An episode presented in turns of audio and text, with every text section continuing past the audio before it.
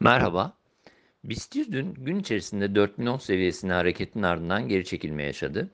Kapanış 3975 seviyesinde gerçekleşti. Endekste yukarı denemelerin 4000 seviyesinin hemen üzeriyle sınırlı kalmasının ardından gün içi düzeltme hareketi görülüyor. Geri çekilme bu aşamada oldukça sınırlı düzeyde. Dolayısıyla olumlu teknik görünümün korunduğundan bahsedebiliriz. BIST 100 için 3850-3800 bandını kısa periyotta destek bölgesi olarak değerlendiriyoruz. Üzerindeki hareketin korunmasını yükseliş yönlü beklentinin devamına işaret olarak görüyoruz.